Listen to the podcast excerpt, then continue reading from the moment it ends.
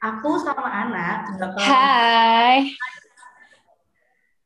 Halo, sekarang hari ini kayaknya kita bakal ngebahas hal yang seru nih, Nak. Wah, ya lagiin banget sih, Vi. Tentang apa nih pastinya?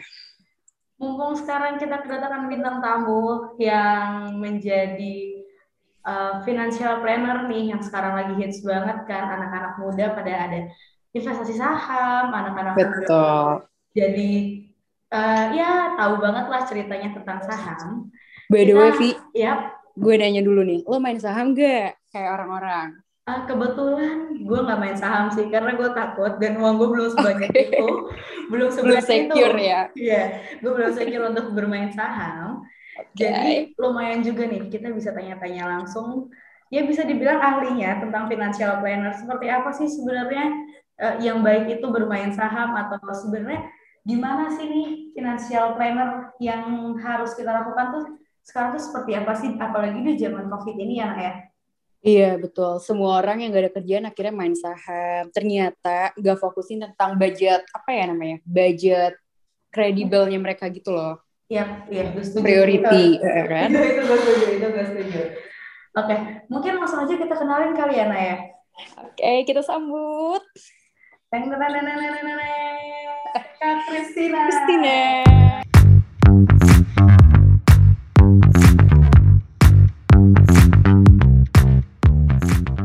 Halo, halo teman-teman semua.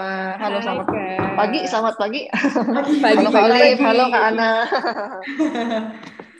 Aduh, ini garing banget nih Kak. Maaf ya Kak, kita yang mana suka garing kayak gini. Aduh, maaf ya saya juga garing nih. Ini uh, Aduh. happy banget nih. Boleh ada kesempatan diundang loh ke acara podcast ini. Thank you sebelumnya waktunya dan kepercayaannya. Thank terima you kasih juga, banget, Kak. Christine. Kita terima kasih banget. Mm-mm. Mungkin sebelumnya nih kasih tau dulu ya. Kak Kristina ini adalah co-founder CCA. Apa sih nak CCA itu nak? Ayo, CCA itu apa? CCA itu adalah credible, capable, accountable. Anda, sekali. ya? kita kita lagi ke bawah euforia. Aku tuh seneng banget sama topik ini loh. Aduh, oleh eh, mungkin mulai aja kali kak ya. Kak, sebenarnya gimana sih ini? Aku mau aku mau tahu nih kak. Kita gosip aja kali ya. Sekarang tuh kan banyak boleh. banget banyak banget nih kak artis yang lagi main saham. Bener Oke, nggak sih? Betul, betul, Betul betul. ya. Yang lagi hits sekarang, aku nggak tahu sih dia mungkin hits di Instagram aku ya. Hits di Instagram aku itu lagi ada Arif Muhammad. Arif Muhammad itu kan dia lagi eh, masuk rumah sakit nih ya kan kena COVID. Eh, terus dia tuh eh, berapa hari yang lalu itu kayak investasi. Ah, tapi aku kurang tahu nih investasinya dalam bentuk apa. Nah. Eh, dia itu eh, bilang intinya empat hari setelah dia investasi itu dia keluar keluar rumah sakit itu udah bisa beli mobil. Iya, keren banget sih. Iya, berarti kan kalau kayak gitu siapa sih Kak, yang nggak tergiur empat hari investasi? Nah, Aku sempat tergiur loh, Vi. Oh, oh iya kak. Iya. nah boleh nih, menarik nih dibahas nih. Eh, iya, Iya. cuma karena dang-adong hepengku, jadi aku tidak ikutan. Sumpah, jadi kayak apa sih empat hari bisa beli mobil? Ya gue juga tergiur sih sama hal itu. Siapa yang nggak mau beli mobil dalam waktu empat hari? Jelas. Tapi sebenarnya tuh gimana sih kak? Anak Nah, kalau kalau kakak lihat sendiri pandangan nih kak ya, pandangan kakak tentang anak muda yang sekarang main saham tuh seperti apa sih sebenarnya? A- akan emang akan jangka panjang atau emang karena trennya aja sekarang lagi pada main saham karena covid juga mungkin ya semua apa apa kan kalau saham kan sekarang itu dari HP kan Mm-mm. Oke, ini eh, menarik sih. Anak-anak muda sekarang pada main saham. Satu sisi bagus ya, karena sudah semakin melek sama investasi. Ya. Cuman yang perlu diperhatikan juga memang ada sedikit pergeseran nih dari dunia saham 2019 sama 2020 kemarin pas lagi corona parah sama sekarang itu ada perbedaan yang luar biasa besar. Dan memang ini kejadian-kejadian yang untuk saham kayak gitu memang biasanya 10 tahun sekali sih. Makanya mungkin 2020 banyak orang yang tiba-tiba mungkin mendadak kaya ya. Karena Iya, betul. Nah, terus di saat orang lain jatuh mi- jatuh keuangannya ya kan karena covid 2020 semakin banyak orang kaya juga tentunya betul beberapa orang kan mungkin ada yang apa ya itu memang memang tren 10 tahunan sih kalau saham ya. Mhm. Makanya Oh. sebenarnya kalau dibilang apakah tapi untuk long run gimana ya harus tetap berinvestasi, harus tetap belajar bermain saham. Cuman perlu dipelajarin aja sih yang namanya saham investasi itu adalah uh, teman-teman pakai modal kan ya maksudnya yeah. kalau sekian juta and then it uh, itu berkembang jadi jadi berapa ratus persen dan tidak selalu berkembang bisa juga ada resiko rugi dong hmm. kalau kalau mungkin di Instagram, sosial media pada pamer portofolio ya teman-teman, pada yeah. FOMO semua, pada pada FOMO semua ya yang dipamerin yang hijau-hijau semua nih, unfortunately. Nah tapi yang pas lagi loss-loss gimana? Jadi yeah. memang aku rasa tahun kemarin tuh memang ada rasa-rasa FOMO ya, fear of hmm. missing out gitu kan ya, yes. di mana teman-teman kayaknya pada cuan segini banyak, bla bla bla bla. Wah, aku juga mau dong cuan kayak tadi nih ceritanya Kak Olive ya. Uh, mau dong gila empat hari dapat mobil. Cuman balik lagi sih banyak hal yang perlu diperhatikan sama hati-hati karena investasi atau main saham itu kan kalau dibilang harus dari sejak muda, iya. Cuman sebelum berinvestasi itu sebenarnya banyak hal yang perlu dipersiapkan dulu. Nggak bisa nih asal, oh gaji aku katakanlah 20 juta, ya udah nih 10 juta aku langsung lempar aja ke saham biar cuan, biar untung gitu ya. Sebetulnya banyak hal yang perlu kita siapin dulu nih sebelum layak untuk investasi sebetulnya ya. Jadi Dan cuman memang orang ya. ini betul sekali. Ada itu siapa yang bilang barusan? Aku, betul Ana. sekali loh jawabannya loh, Kak Ana betul. Hmm. Orang sering lupa dana darurat. Orang hmm. sering lupa yang namanya proteksi asuransi. Hmm. Sebetulnya sebelum mau melangkah ke investasi, ya kita harus siapin dulu tuh dana daruratnya. Harus siapin dulu tuh asuransinya pakai BPJS ataupun pakai yang swasta, whatever. Pokoknya siapin dulu proteksinya karena kalau sesuai dengan yang namanya financial IQ nih, mungkin teman-teman ada yang baru pertama kali dengar. Jadi tuh financial IQ tuh terbagi jadi empat step. Yang pertama adalah making money. Jadi gimana cara teman-teman dapat penghasilan setiap bulannya. Yang kedua budgeting teman-teman. Ribet ya, Christina harus budgeting. Ya, tapi yang benar begitu nih. Kalau nggak setiap bulan shopping baju terus ya. Terus yang ketiga baru protect money. Jadi kita melindungi penghasilan yang kita dapatkan setiap bulannya. Nah, yang keempat nih teman-teman sebenarnya ada yang namanya leverage money. Nah, investasi itu mau itu saham, mau itu reksadana, mau itu apa sih sekarang kripto ya yang lagi ngetren juga. Ya, betul. Uh, itu masuk ke tahap yang nomor empat yang sebetulnya terakhir, yaitu adalah leverage money. Nah, tendensinya kalau teman-teman semua kayaknya nggak cuma anak muda ya, memang orang Indo kebanyakan belum belum belum fasih lah ya dengan hal-hal ini. Jadi mereka langsung mikirnya begitu make money, nggak usah budgeting, nggak usah protecting, langsung aja nih kita investasi. Padahal kalau terjadi apa-apa, amit-amit nih misalnya kayak tahun kemarin kan banyak yang kena layoff ya. Lah yeah. sekarang duitnya duitnya di saham semua, sahamnya lagi minus, lagi rugi. Terus makan apa? Nah, yeah, sebenarnya yeah. tuh harus punya dana darurat dulu.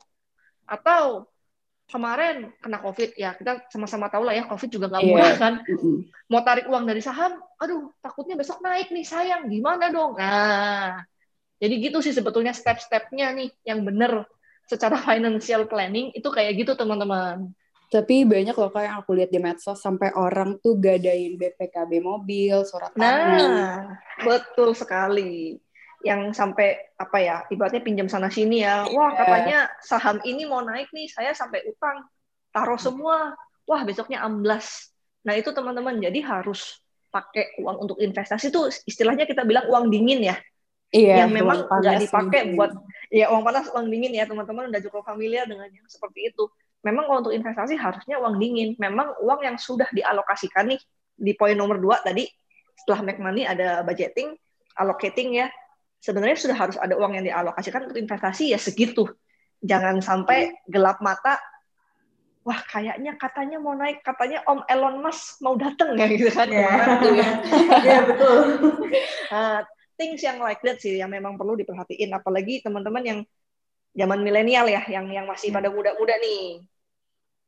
Gitu. Tapi tapi jujur sih ya, kalau gue mm -hmm. sendiri, eh maaf ya kak ini kita pakai gue aja ya kayak biar santai. Santai, ya. santai, santai uh, kalau gue sendiri jujur sih kak, karena gue juga orang yang salah satu orang yang kesusahan untuk memanage uang, sangat amat susah.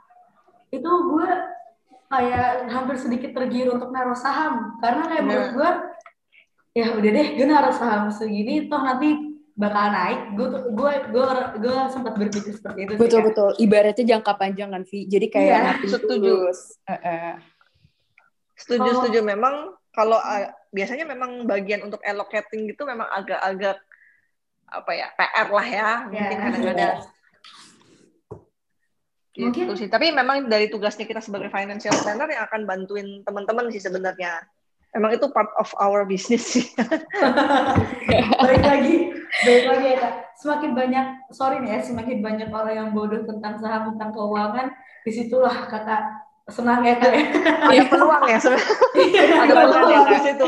Iya, semakin benar dong semakin banyak orang yang um, ikutin tren aja kan berarti kan ada orang lain lagi yang diuntungkan bener dong Betul.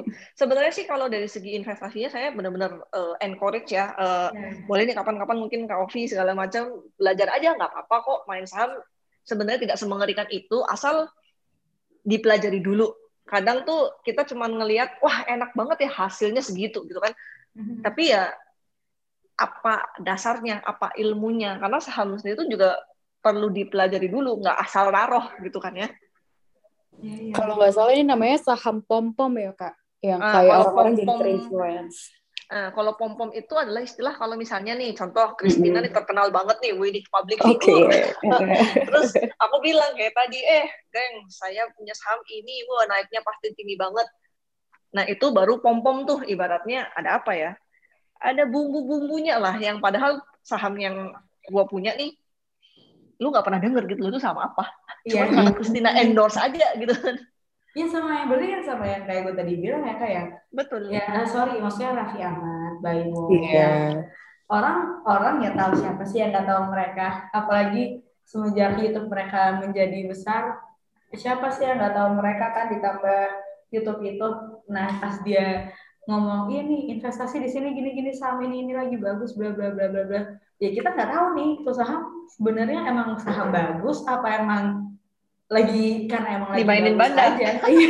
itu ah, itu itu kak itu juga menarik tuh dimainin bandar banyak banget sekarang Ah, teman-teman gue tuh juga banyak banget yang main saham dan mereka ah, mereka itu suka ketika ah, mereka menemukan bandar yang pintar Betul. Hmm, nebeng, saham- nebeng, bandar itu namanya. iya nebeng bandar Betul. kalau sebenarnya kalau di ya kasarnya uang kita udah bisa cari uang sendiri gitu sih. Iya nggak sih kan sebenarnya baik lagi sih ya eh, kalau aku pribadi aku punya prinsip yang aku nggak mau trading dari saham kalau aku ya. Oke. karena memang mata karena trading itu kan berarti kan day to day berarti ibaratnya kayak pekerjaan kamu ya trading Iya. saham. Tapi coba diingat-ingat deh semua yang orang-orang gede dari saham itu bilangnya apa? Jangan eh, jangan cari duit dari trading sebetulnya. Yang paling benar adalah investasi di saham. Investasi itu ya taruh taruhlah uang nabung deh saham. Setiap bulan cicil sejuta dua juta ke saham-saham tertentu. And then begitu nanti pas lagi teman-teman masuk usia pensiun segala macam yaitu saham nilainya tinggi banget. Jauh lebih tinggi daripada teman-teman nabung sendiri sama sorry ya taruh di bank. Ya, betul. jadi sebenarnya inti dari investasi itu adalah untuk seperti itu bukan untuk kayak cari duit cepet. Ya. Tapi gitu teman-teman. Tapi kan maksudnya gini kan, ada juga saham yang, eh, sorry ya, kalau misalnya kalau salah tolong dibenarkan. Aku Mhm. setahu aku, ada juga kan orang yang bermain saham itu emang untuk jangka pendek. betul Iya nah kan? jangka pendeknya boleh juga cuman kembali lagi ke profil resiko masing-masing sih maksudnya teman-teman sudah ngerti belum itu saham eh, bidangnya apa apakah Hmm. itu retail atau ataukah itu apa nah itu yang menarik dari saham sih karena kan kita nggak pernah tahu besok naik besok turun Iya. tiba-tiba Saham. nah jadi jadi mesti belajar baca trennya belajar baca candlenya kira-kira bakal seperti apa sih kalau mau dibilang short term boleh nggak sih main saham eh kalau aku pribadi sih aku lebih tipikal orang yang long term ya di saham Oke. bukan Hmm. yang buat short term gitu karena terlalu risky ba- bagi aku Oke, kadang saham tuh juga fluktuatif kan, gak selalu ke atas Betul. aja. Sementara Betul. orang tuh mikirnya, oke gue main saham, gue dapet uang banyak, langsung ke atas terus aja. nah Sekalinya itu mikirnya Iya. pada inget pada ta- pada tahunnya sih. cuman oh gue cuan gitu loh pada tahunnya oh, Iya. oh gue kalau main saham pasti untung padahal ada juga resiko untuk buntung ya Iya, betul. betul. Betul, betul. Tapi, Kak, ini, ini gue mau nanya sih, Kak. Uh, boleh. balik, ke sebelumnya.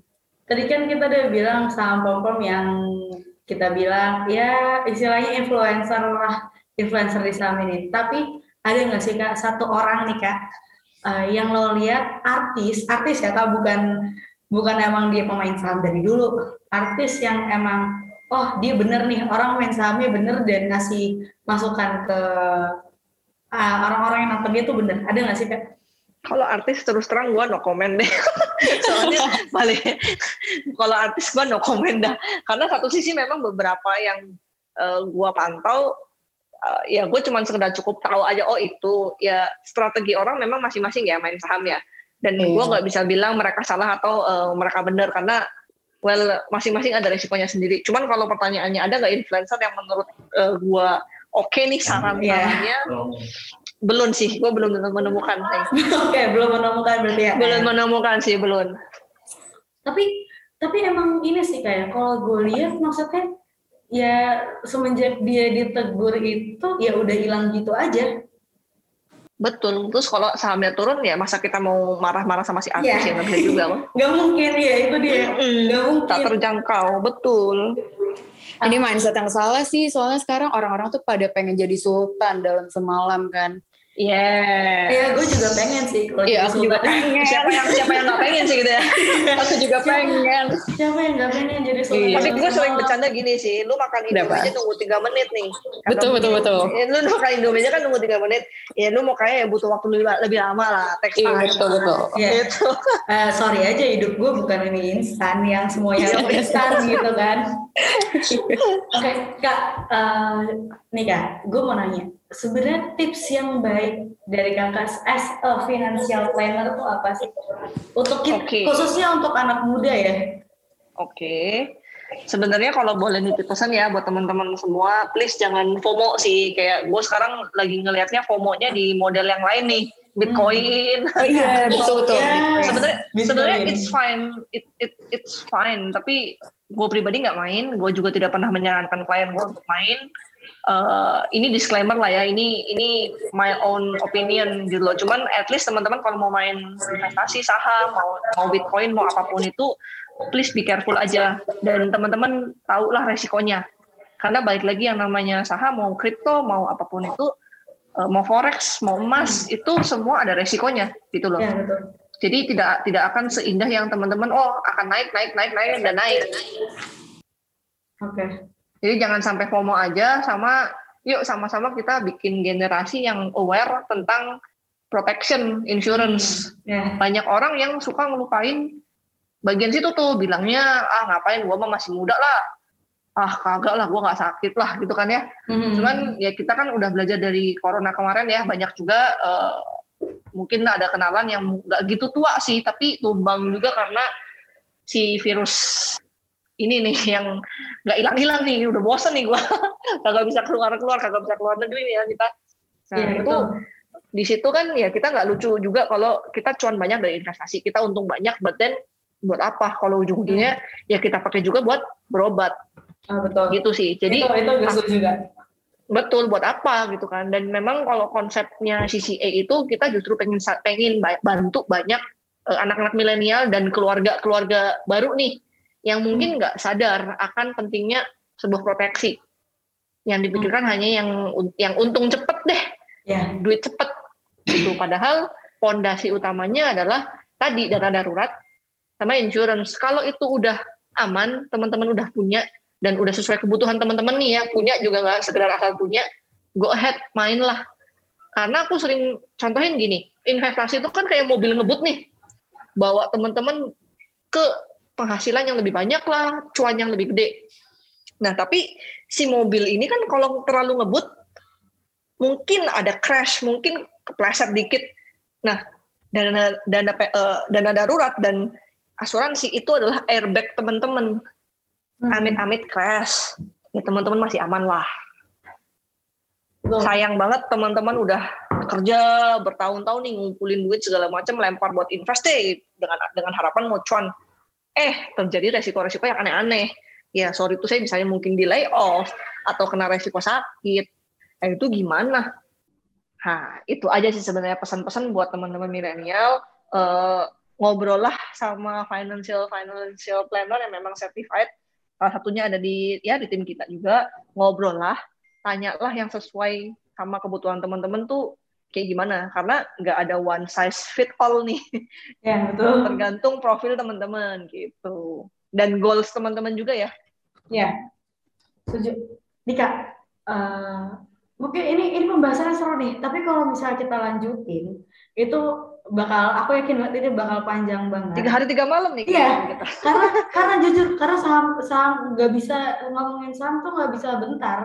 Oh betul Takutnya- setuju Eh, gini, kita ngomong sekarang kayak gini, takutnya orang salah per- persepsi mungkin ya. Mungkin nanti dikiranya ah kita kontra banget nih sama saham. Padahal enggak, enggak, enggak kayak gitu. nggak nggak we support it Iya. I support it juga aku juga maksudnya eh, justru dengan kita ngomongin pahitnya dulu tuh justru biar oh ternyata main saham tuh nggak semudah ini coy Oke, Masih. mungkin gini kali ya kak. Penutupnya itu adalah aku nanya nih, kalau aku butuh financial planner, aku bisa hubungin ke mana? Kontak Oke. CCA?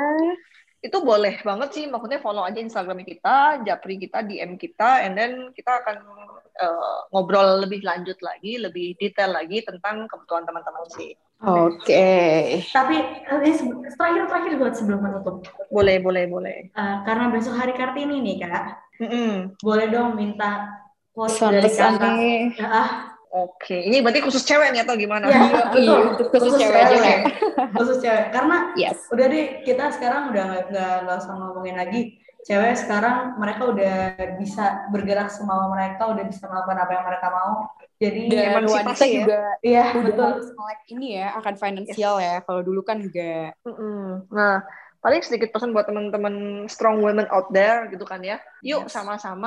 Uh, kita itu bisa loh, kita itu equal kok sama yang cowok nih. Ini my opinion ya. And then uh, penting banget buat teman-teman yang cewek ini untuk bisa mandiri secara finansial. Nggak harus kerja, tapi at least ngerti cara budgeting, ngerti cara alokasi, ngerti cara melindungi penghasilan keluarga teman-teman. Kalau teman-teman emang mau investasi juga, at least teman-teman di rumah kan mungkin ada ibu rumah tangga ya, bisa juga kok investasi sekarang udah nggak ribet. Cuman yuk belajar, bisa kok sama-sama. Strong women out there, gua gua rasa udah saatnya juga untuk bisa maju lah bareng-bareng ngerti finansial, melek finansial, ngerti budgeting, ngerti investasi. Karena we actually can do it now gara-gara teknologi. So ya, gua rasa itu aja sih buat teman-teman yang cewek. oke benar banget gue setuju karena sekarang cewek juga harus ngerti finansial beli sayur sekarang nggak semurah nggak semurah itu coy Iya. Eh, beli skincare mahal nih, Bu. Iya, itu dia beli skincare mahal Itu budget prioritas deh kayaknya. Nah, jadi Skincare buat, butuh nih. jadi buat para perempuan di sana, ya, ayo, yuk, yuk, yuk, yuk, kita harus ngerti tentang finansial. Kita harus paham nih gimana sih caranya memanage uang kita dengan benar ya kan. Jadi jangan sampai nanti tiba-tiba ditinggal sama cowok, kita kelimpungan karena nggak Hmm, jangan. aduh itu anti anti anti. menyusul. Oh ya nambahin dikit boleh nggak? Ah, Iya, boleh, boleh boleh Karena kak. gini, karena gini eh, teman-teman semua, apalagi yang cewek nih, kita kan yang nanti akan didik anak-anak kita ya. Ya, Yes. Nah, dengan kita ngerti finansial, anak kita mau cowok mau cewek, mereka akan ikut melek finansial. Gue sering bilang dengan satu keluarga yang paham tentang perencanaan keuangan, itu berarti teman-teman menyelamatkan the whole generation. Karena kalau mamanya udah ngerti keuangan, pasti ngajarin ke anaknya dong. Anaknya Yeah. ngerti, mereka akan ngajarin ke anaknya lagi. And then everything will be smooth. Eh, keuangan yang nggak ada lagi yang masalah di stress apa kayak bencana-bencana keuangan lah tiba-tiba nggak punya uang harus utang sana sini itu nggak ada karena memang dari si cewek nih dari si mamah nih udah ngajarin yang baik ke anak-anaknya gitu sih Oke, Kak, sebelumnya nih maaf banget, mungkin eh, kita, aku janji banget nih kita bakal bikin part 2 karena yang tadi aku bilang ngomongin saham itu tuh nggak bisa dalam sehari. sure sure boleh boleh Ya. Jadi hari ini aku mau berterima kasih banget sama kakak karena udah menyempatkan waktu di aku yang thank you buat kesempatannya ya teman-teman Thank you banget ya, karena ya Kita ketemu lagi di Podcast selanjutnya. tema selanjutnya.